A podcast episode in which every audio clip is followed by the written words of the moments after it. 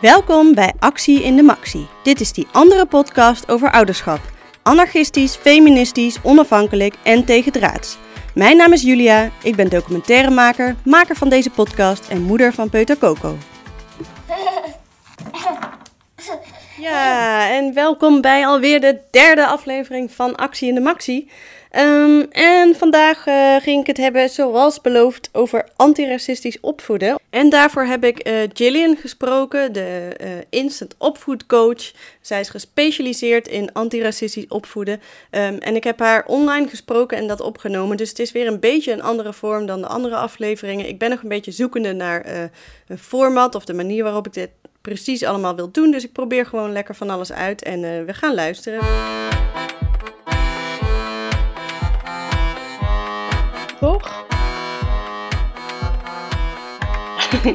ja, top. Wat leuk. Yes. Hoe is het? Um, ja, wel goed. Beetje korte nachten momenteel met mijn dochter, maar, uh, oh. maar gaat goed op zich. Hoe gaat het met jou? Mooi. Ja, goed. Ik um, heb net die lancering van mijn cursus achter de rug. Ik heb wel mijn kleine op bed liggen. En ik ben eieren aan het koken. Um, dus die moet ik zo meteen eventjes afzetten. Um... oké. Okay. Even terug. Eieren op het vuur, kindje in bed, masterclass. Met wie ben ik in gesprek vandaag? Mijn naam is Gillian Emanuels, de instant pedagoog. Ik uh, ben van beroep pedagoog, dus ik geef opvoedondersteuning aan ouders. En ik heb daarin heel specifiek eigenlijk gekozen voor antiracistisch opvoeden iets waarvan zowel in mijn opleiding als in het werk dat ik gedaan heb uh, weinig aandacht voor is. Waarvan we wel weten dat het gewoon hoort bij de normale ontwikkeling van kinderen. Dat zij verschillen zien, dat zij kleur zien. En dat ze heel erg op zoek zijn naar handvatten daarin. Maar dat we hier in Nederland een soort van ongeschreven regel hebben om te denken dat kinderen uh, kleurenblind zijn. Um, en wat ik dus doe in mijn werk is dat ik ouders daar en opvoeders eigenlijk daarin handvatten geef in hoe kunnen zij gesprekken voeren over racisme. Hoe kunnen ze uh, van dat kleurenblind afstappen um, en hoe kunnen ze hun kind daar op een juiste manier in begeleiden. Dus de ouders en opvoeders waar je mee werkt, uh, wie zijn dat zo al? Met wat voor soort vragen komen mensen bij jou en wat is hun achtergrond? Ja, op zich zijn de um, zijn ze heel divers. Dus ik heb zowel opvoeders, dat zijn ook professionals, zoals opa's en oma's, die uh, met vragen zitten en ergens tegenaan lopen, of tantes en ooms. Um, vanuit professionals is het meer de vraag van, ja, hoe vertaal ik dit naar een groep? Hoe um, ga ik ermee om als bijvoorbeeld één leerling in de klas uh, gepest wordt, waarbij ook racistische termen uh, ter sprake komen? Um, vanuit opa's en oma's is het, meer, is het vaak merk ik, zijn het vaak witte opa's en oma's die zoiets hebben van ik heb een, kind, een klein kind van kleur. En dat is nieuw voor mij. Hoe, uh, ja, hoe zorg ik ervoor dat die ook lekker in zijn vel zit? Dingen waren anders in de tijd toen ik opgroeide, bijvoorbeeld. Um, en wat betreft de ouders, zijn het echt wel uh, ook wel heel diverse ouders. Dus zowel eigenlijk ouders vanuit de hele wereld die um, vragen hebben over ja, hoe, navigeer ik mijn kind in deze witte maatschappij als het een kind van kleur is. Maar ook witte ouders die zoiets hebben van ik heb dit nooit meegekregen en ik wil het goed doen voor of mijn witte kind of mijn kind van kleur. Ja, dus eigenlijk een heel enorm diverse groep uh, mensen die bij jou aanklopt met vragen. Ja, ja zeker. Hey, en, en je hebt dus uh, vorige week een uh, masterclass gegeven en dat was dus een lancering van jouw cursus, toch? Ja, niet helemaal. Het was enerzijds wil ik mensen oproepen om naar het volgende niveau te gaan. Dus wat ik heel erg merk is dat heel veel ouders een soort van rust hebben gevonden in: oké, ik heb een bruine pop. Oké, ik heb huidskleurpotloden of krijtjes. En oké, we hebben inclusieve boeken en nu ben ik antiracistisch aan het opvoeden. En dat is natuurlijk maar een ontzettend klein onderdeel van antiracistisch opvoeden. Dus met die masterclass heb ik ouders willen oproepen om naar dat volgende level te gaan. Om weer kritisch te kijken naar hoe vaak voer je gesprekken over racisme. Hoe vaak kijk je kritisch naar de privileges die jij en je kinderen hebben. En hoe verwoord je dat naar je kinderen. Dus we moeten echt doorgaan. Het is niet een soort van, we beginnen daaraan. We hebben het allemaal gekocht en nu is het allemaal goed. Um, in principe kan je alles wat te koop is, kan je eigenlijk weglaten. Um, maar het gaat om die cruciale gesprekken die je voert met, met je kinderen, in het bijzijn van je kinderen, over je kinderen. Weet je? Dat, dat vind ik veel belangrijker.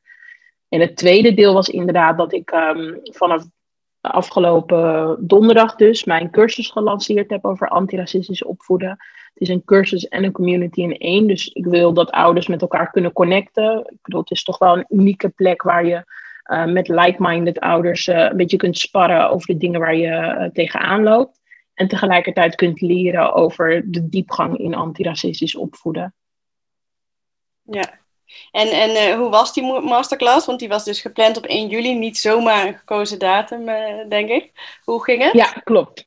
Ja, ik heb heel bewust voor 1 juli gekozen, omdat dat uh, de afschaffing is van het Nederlands slavernijverleden in zowel Suriname als de ABC-SSS-eilanden. En um, ik had zoiets van, nou, dit jaar zullen er vast weinig festiviteiten zijn, weinig aandacht voor de herdenking, dus dan is dit het moment. Uiteindelijk, nou, werden de meeste maatregelen natuurlijk opgeheven. Dus er was alsnog heel veel uh, te doen. Uh, maar uiteindelijk zijn er ruim 300 mensen zijn er geweest. Ruim 200 tot 300 mensen hebben teruggekeken. Um, dus dat was een groot succes. Uh, de cursus gaat ook open op 17 augustus. Dat heb ik ook heel bewust gekozen. Dat is namelijk de dag dat op Curaçao door Tula, een tot slaaf gemaakte man, een opstand gestart is. En um, eigenlijk zou je kunnen zeggen dat zonder die opstand zou 1 juli wellicht niet hebben plaatsgevonden.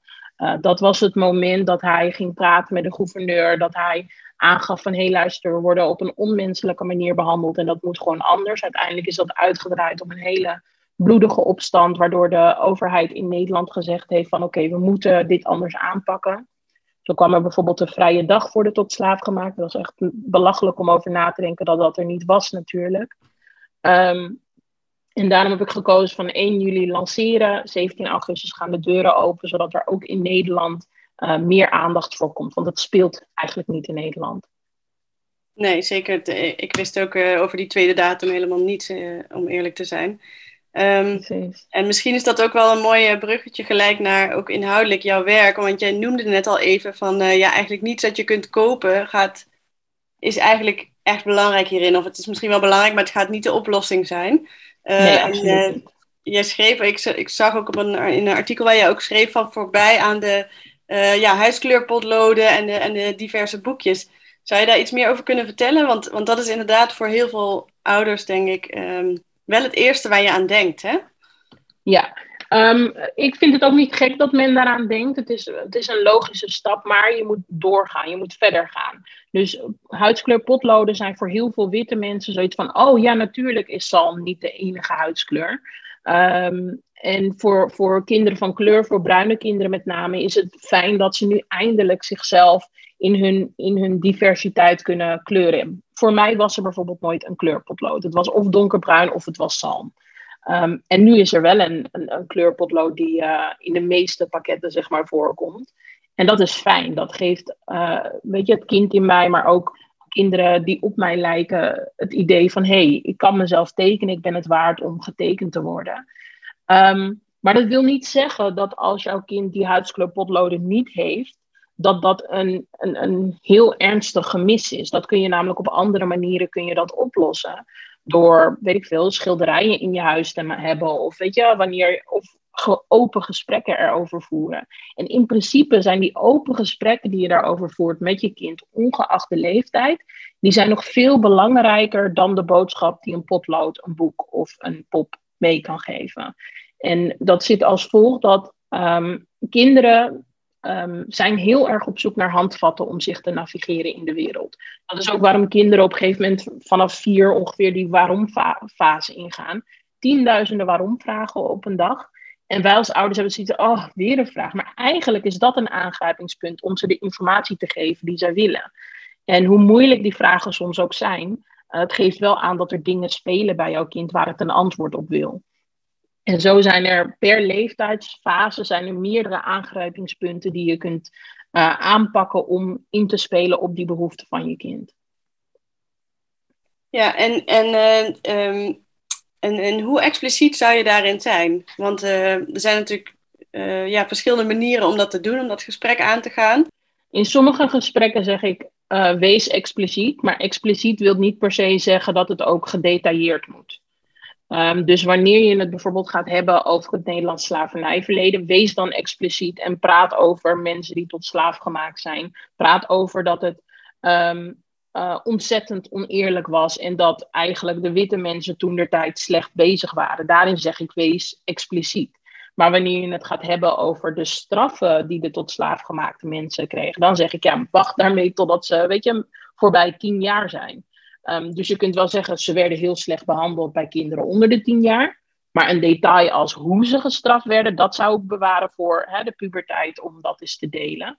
Um, en een ander punt is ook, wat ik altijd tegen ouders zeg, is: je hoeft niet alles in één gesprek te proppen. Het hoeft niet één zwaar gesprek te zijn waarin we het gaan hebben over de staat van, uh, van de wereld.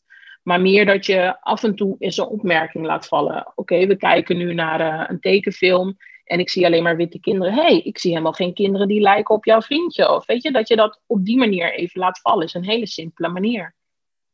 Ah ja, dat is wel interessant. Dus dan eigenlijk.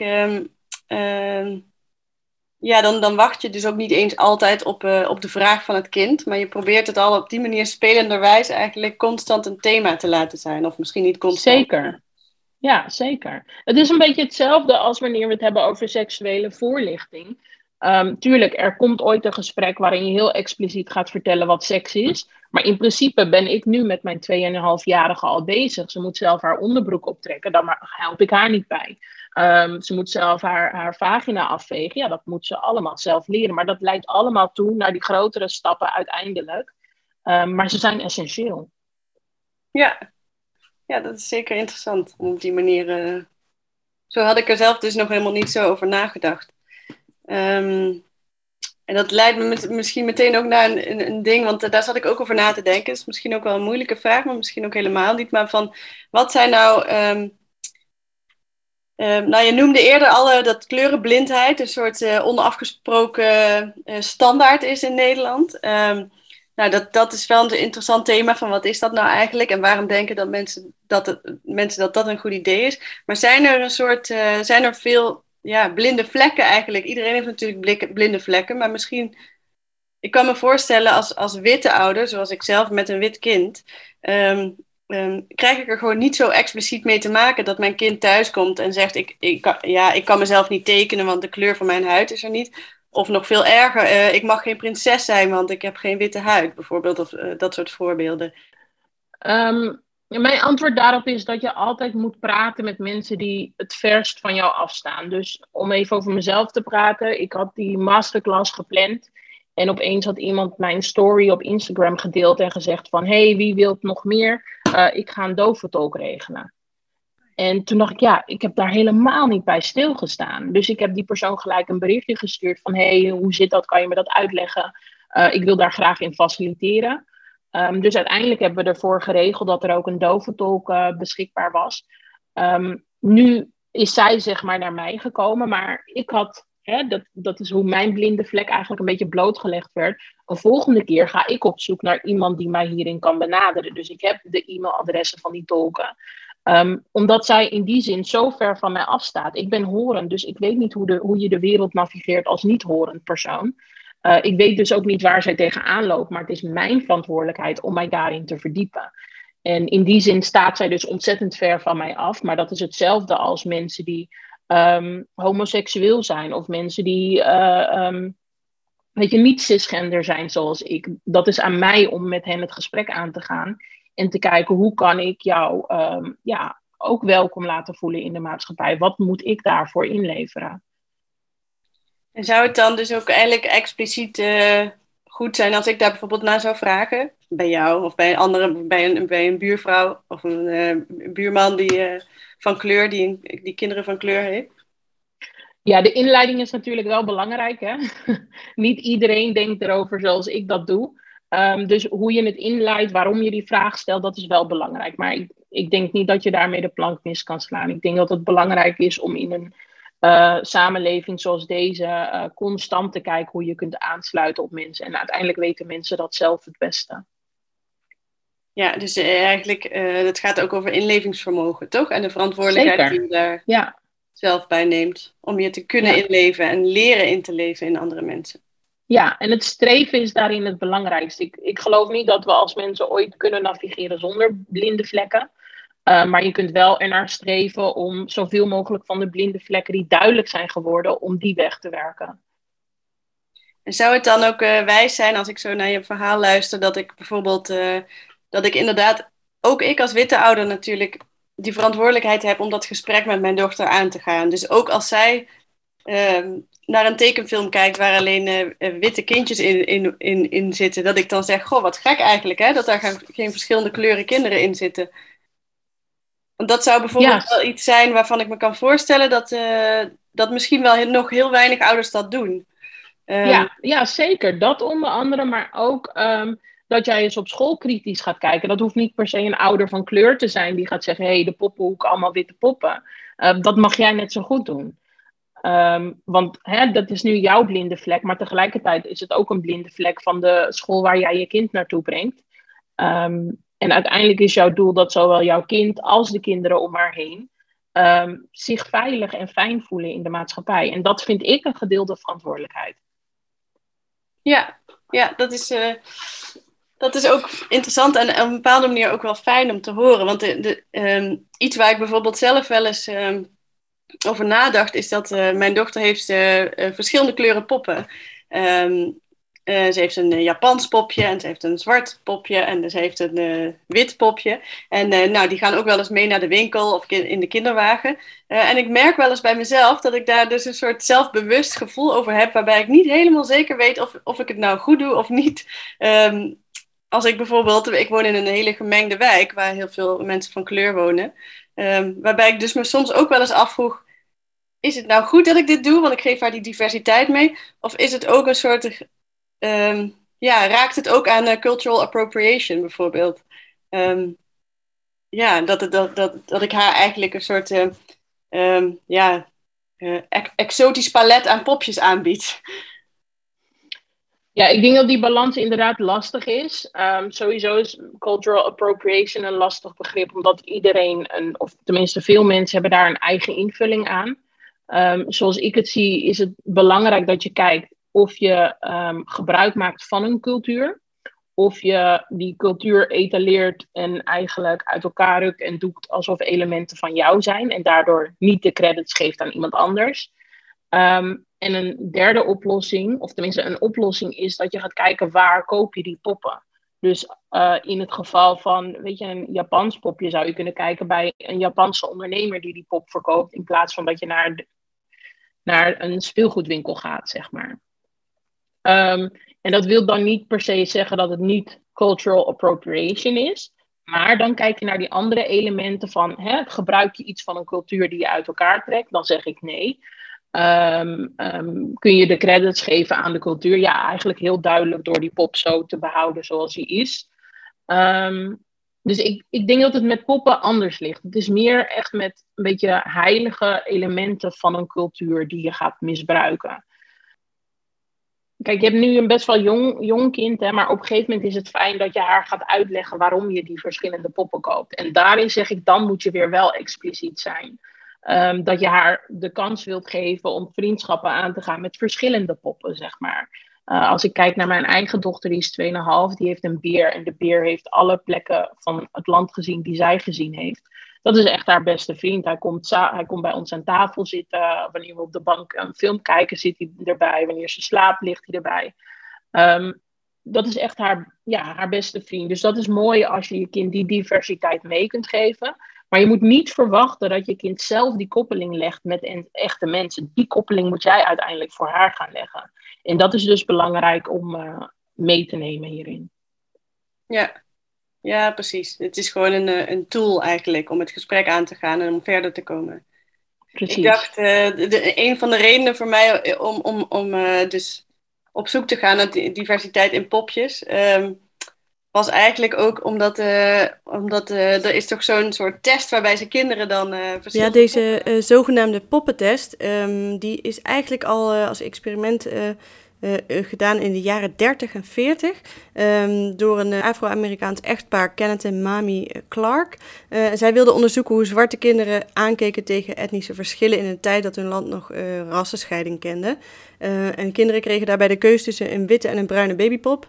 Uh, en, en welke leek het meest op henzelf en met welke wilden ze spelen, welke vonden ze mooi en welke lelijk. Voor, uh, veruit de meeste kinderen hadden meer positieve gevoelens voor de witte pop dan voor de pop uh, met hun eigen kleur. En een aantal jaar geleden is is er uh, een sociologie-studente uh, die haar masterstudie hierover deed. Die heeft het experiment nog een keer in het Groot in Rotterdam en in Den Haag op scholen toegepast. Armine Stepanian heet zij. En nou ja, daar kwam eigenlijk ongeveer hetzelfde uit. Dat, dat de kinderen onafhankelijk van hun kleur eigenlijk vrijwel altijd voor de witte pop kiezen als degene op wie ze lijken, willen lijken, die het liefst is en, en met wie ze willen, zouden willen spelen. En ik dacht van, nou ja, op deze manier geef ik haar misschien al heel jong het gevoel dat, dat het dus alle drie poppen zijn. En dat ze alle drie lief of stout kunnen zijn en alle drie aan tafel mogen mee eten of niet. Of, uh, maar uh, ja, ik, ik denk inderdaad dat je gelijk hebt dat daar wel eh, op een gegeven moment, als zij oud genoeg is om, om dat te begrijpen, uh, ook een gesprek bij hoort. En misschien ook wel dit gesprek, precies dit wat ik nu aan jou vertel. Ja, ja. het verschil met de poppentest is natuurlijk dat ze. Um op zoek waren naar een, een, um, een, stukje zelfbeeld van de kinderen, hoe die kinderen naar zichzelf keken. En um, het is, er is natuurlijk een reden waarom zij voor een x aantal poppen gekozen hebben. Uh, maar het is niet zo dat er een soort goed antwoord was of een fout antwoord. Het was meer om te kijken wat komt eruit. En heel vaak merk ik dat mensen het idee hebben dat de kinderen een fout antwoord gegeven hebben. Terwijl in principe de kinderen een antwoord hebben gegeven als reflectie op wat zij zien in de maatschappij. Dus het antwoord wat ze hebben gegeven was goed. Um, en daarom adviseer ik ouders ook niet om die test thuis te doen. Omdat je dan weer gaat zitten met, oh, geef ze nu het goede antwoord of foute antwoord? Heb ik het nu goed gedaan met antiracistisch opvoeden of niet? Um, en dat is allemaal niet aan de orde. Het blijft altijd een streven, het blijft uh, altijd een soort reis waarvan je onderweg bent waarvan geen eindresultaat is of een eindlocatie is. Um, dus de vergelijking met die poppentest, die gaat niet helemaal op hierin. Dat is wat ik probeer te zeggen. Um, de waarde van de poppen die jij jouw kind hebt gegeven, die staat los van die poppentest, zeg maar. Ja, ja. Ja, en, en zelfbeeld is hier eigenlijk heel belangrijk. Hè? Dat, dat las ik ook uh, in uh, jouw werk op je website. Van, um, uiteindelijk gaat het daar misschien wel heel erg ook over. En, en ook over die spiegel die je een kind uh, voorhoudt. Hè? Dus dat een kind zich uh, ja, kan spiegelen. Um, zou je daar nog iets meer over kunnen vertellen? Ja, de spiegel is met name belangrijk voor kinderen van kleur, omdat witte kinderen die spiegel eigenlijk constant krijgen. Als we bijvoorbeeld kijken naar klassieke puzzels die kinderen op school hebben, en het gaat niet eens zozeer klassiek om oude puzzels, maar naar puzzels bijvoorbeeld, dan is het vrijwel altijd een kinderboerderij met een witte boer. Dan is het vrijwel altijd een dierentuin met een wit kindje. Puzzels zijn echt nog niet divers. Um, dus kinderen, witte kinderen, zien zichzelf in allerlei posities in de maatschappij. Ik heb een doos met een piano en op die piano staat een wit kindje die speelt. Dus dat geeft kinderen het idee van, hè, ik zie iemand die op mij lijkt, want dat is wel degelijk waar kinderen op letten. Um, dus dat is voor mij ook mogelijk. Um, kinderen zijn zodanig ingesteld op verschillen dat zij dat gewoon opmerken. En heel vaak denken ouders, oh, dat zien ze niet. Ze spelen met iedereen. Toen ze in de speeltuin waren, speelden ze met die en die en die zagen er allemaal anders uit. Uh, maar dat wil niet zeggen dat ze geen uh, betekenis gekoppeld hebben aan die verschillen. Dus voor kinderen van kleur, die constant eigenlijk witte kinderen om zich heen zien, zijn die spiegels belangrijk van jij bent belangrijk, jij doet ertoe, jij moet er zijn. En dat moet niet zijn, jij bent ook belangrijk. Nee, jij bent belangrijk. Um, dus dat zijn, dat zijn een beetje verschillen. Dit komt dan uit de theorie van uh, Bishop Sims. En zij heeft dan drie metaforen: een spiegel, een raam en een glazen schuifdeur. Van witte kinderen kun je zeggen, die hebben eigenlijk constant spiegels. Constant de boodschap, jij bent belangrijk. Kinderen van kleur, die hebben eigenlijk alleen maar ramen. Die zien constant andere witte kinderen plezier hebben, gelukkig zijn, directeur zijn, wetenschapper worden. Um, en het liefst wil je eigenlijk voor witte kinderen er naartoe dat ze glazen schuifdeuren krijgen, maar ook wat ramen. Dus kunnen kijken naar iemand anders, tegelijkertijd ook een stapje kunnen nemen in iemand anders wereld. Uh, daar staat de glazen schuifdeur voor. En voor kinderen van kleur zou je willen dat ze meer spiegels krijgen. Hm, interessante theorie, ja.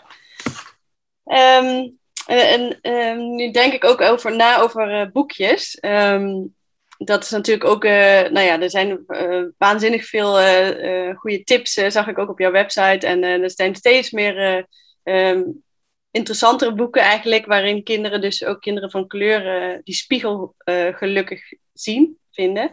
Um, maar nu had ik laatst ook een discussie met een vriendin hierover. En, en, die, en witte vriendin, laat ik het zo uh, even dat, dat erbij noemen. Uh, en zij zei van ja, die boekjes waar, waar, waar dus de het diversiteit er zo dik bovenop ligt, dat vind ik maar niks. Ik wil liever boekjes um, waarbij het gewoon uh, per ongeluk zo is dat de hoofdpersoon van kleur is, bijvoorbeeld. Um, ja, hoe zie je dat?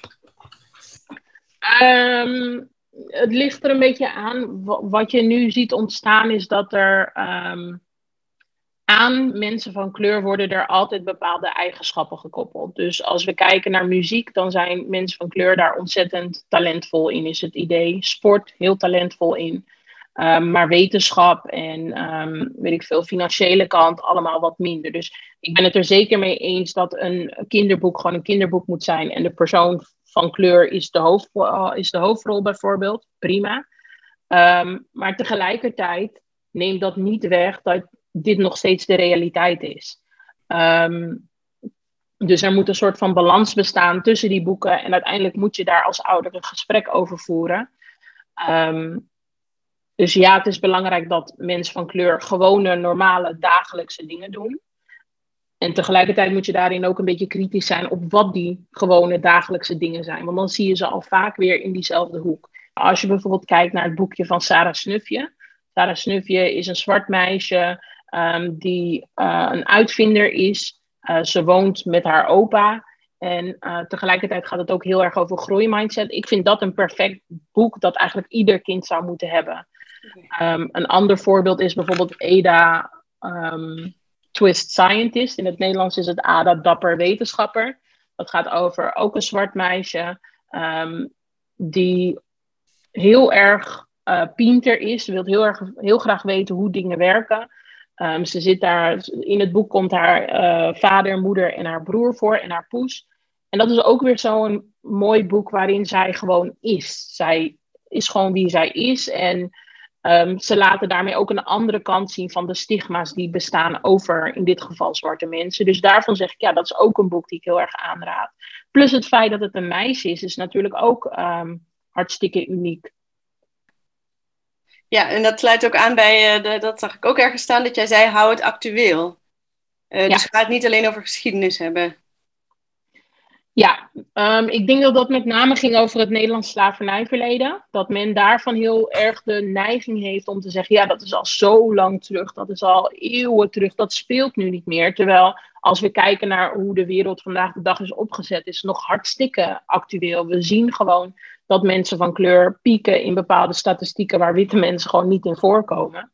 Um, en andersom ook, als we het hebben over uh, eh, VWO'ers en over um, je, niet um, mensen die de koninklijke route uh, bewandelen, dus die gewoon van VWO naar universiteit gaan of van HBO naar universiteit. dan zien we voornamelijk witte mensen. Maar wanneer we kijken naar stapelaars en mensen die laag ingeschaald zijn uh, na de CITO-toets, op het middelbaar onderwijs, dan zien we mensen van kleur. En dat heeft allemaal te maken met het Nederlands slavernijverleden. Um, dus in die zin zeg ik van, je moet het actueel houden door de link te leggen met het hedendaagse racisme. Op het moment dat je zegt het is lang terug, dan denkt een kind dat het is afgesloten.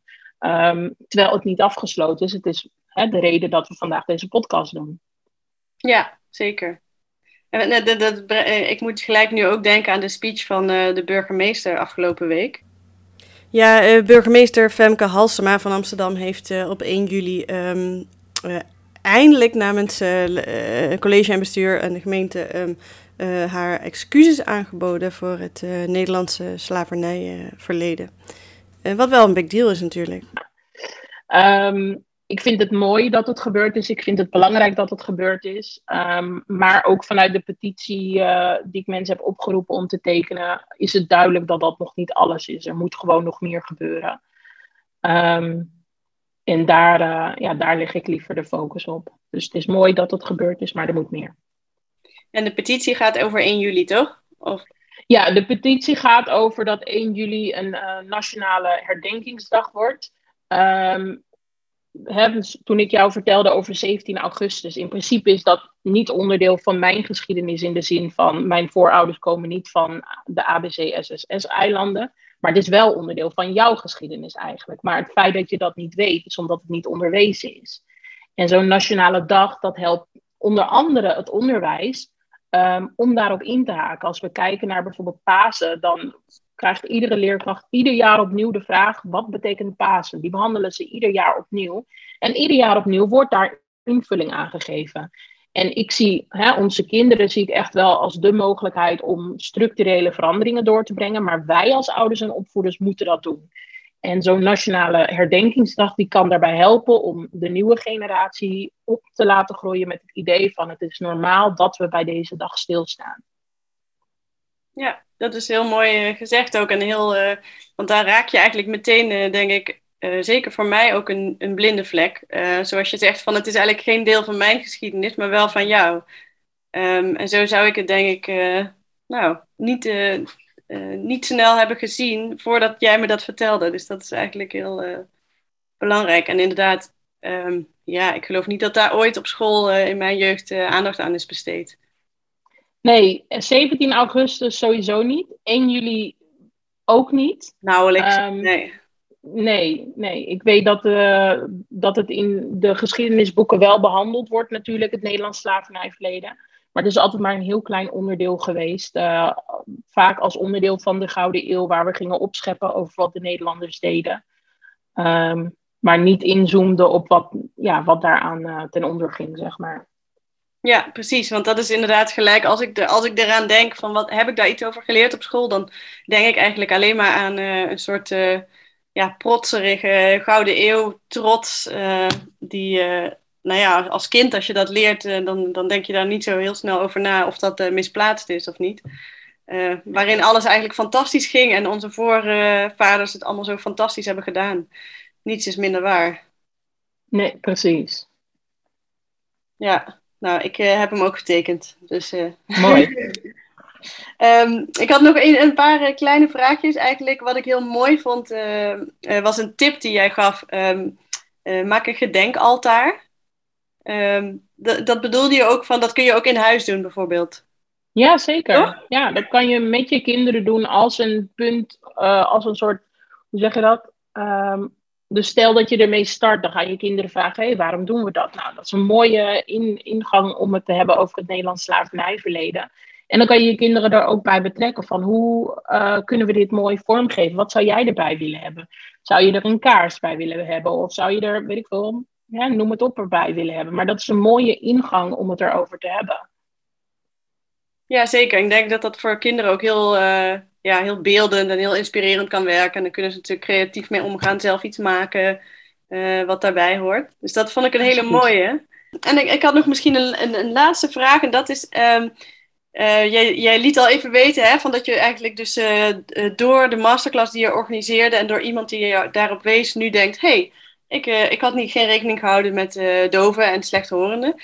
Um, en zo zijn er natuurlijk nog heel veel mensen uh, waar je rekening mee zou kunnen houden. En onder jouw mails, viel mij op, schrijf je altijd she, her.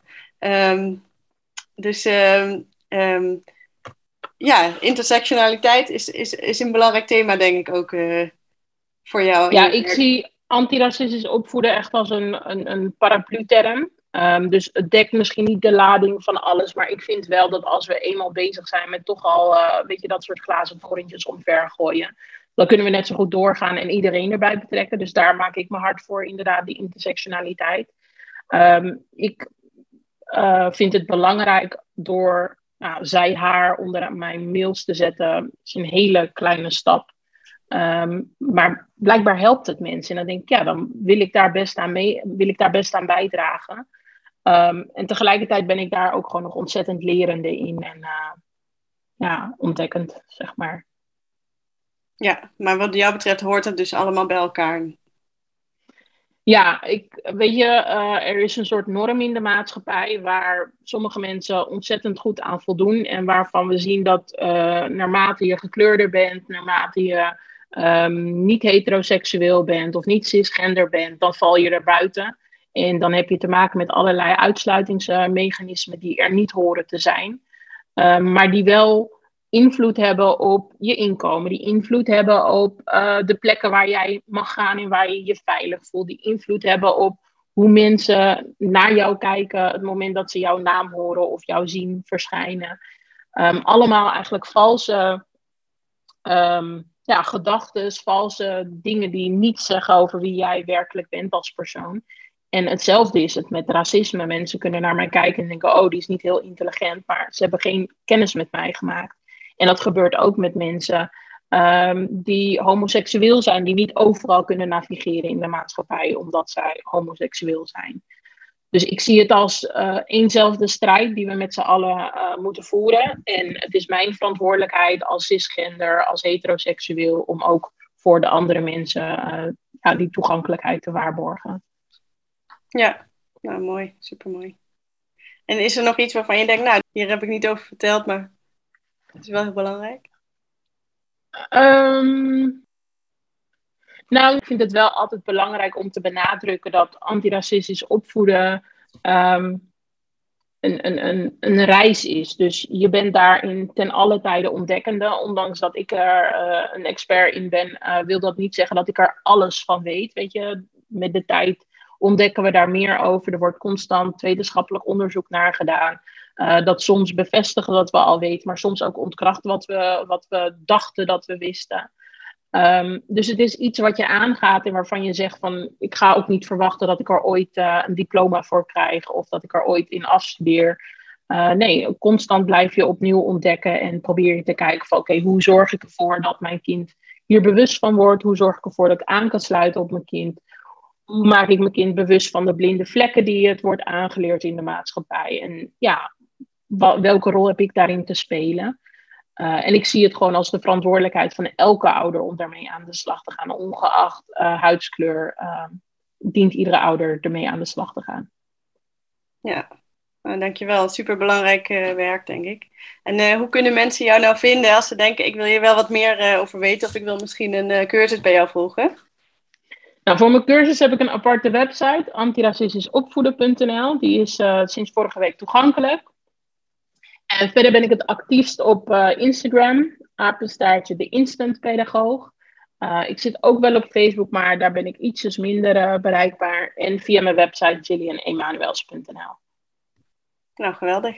We gaan, ik ga het aan iedereen vertellen. Yes, en, leuk. Ja, je geeft ook heel veel gratis tips en informatie op je website. Dus dat, dat vond ik ook al heel fantastisch, dat je dat zomaar doet. Um, en dat is heel waardevol, denk ik. Um, en super fijn dat je even tijd hiervoor wilde maken. Ja. Um, ik vond het heel leuk met je te praten en heel inspirerend. Het heeft mij ook zeker nu weer allerlei gedachten opgeleverd en blinde vlekken zichtbaar gemaakt. Dus dat is waardevol. Graag gedaan. Ja, dat was alweer de derde aflevering van Actie in de Maxi. Deze keer over antiracisme in de opvoeding met Gillian Emanuels, de instant opvoedcoach. Super mooi gesprek vond ik zelf. Ik hoop dat jullie er ook wat aan gehad hebben. De volgende aflevering van Actie in de Maxi, aflevering 4, gaat waarschijnlijk eind van de zomer live. Uh, en deze zal gaan over activisme en anarchisme in de opvoeding. En dan uh, zal ik het hebben over vragen als uh, hoe veilig is het om een kindje mee te nemen naar een demonstratie? en wat vertel je een kind daarover? Uh, wat is anarchisme in de opvoeding? Is dat alle remmen los? Of, um, nou, daar gaan we het dan verder over hebben. Dat ga ik ook nog allemaal even verder uitzoeken. Super bedankt voor het luisteren weer. En uh, de muziek was wederom rechtenvrij van uh, Kevin MacLeod. Um, en luister dan vooral nu nog eventjes naar deze prachtige teaser van uh, anarcho-feministische podcast Bloed aan de muur. Everyone is talking about it. Why? Well, your breasts wat, wat, doet u uh, geïrriteerd, mevrouw uh, Sorry, u denkt dat ik geïrriteerd ben? Ja, u, moet me, u moet me meemaken als ik geïrriteerd ben. Geen nou, dan ben ik heel benieuwd hoe u dan bent. Welke drie partijen, meneer Balken? U kijkt zo lief. Oké. Okay. Is het je wel eens opgevallen dat vrouwen ook dingen kunnen? Nee. Erger je aan vrouwenstemmen met hun schrille geluid en onnodige zijpaden die ze bewandelen? Van die zaken die afleiden van de cause, zoals de MeToo-beweging. Grensoverschrijdend gedrag. Romantische comedies. Body positivity. Disney-prinsessen. Verkrachtingscultuur. Klimaatactivisme. Burnout. Britney Spears. En nog veel meer. Check ons op bloedaandemuur.net, de podcast vanuit Anarcha Feministisch Perspectief. Tot de volgende keer.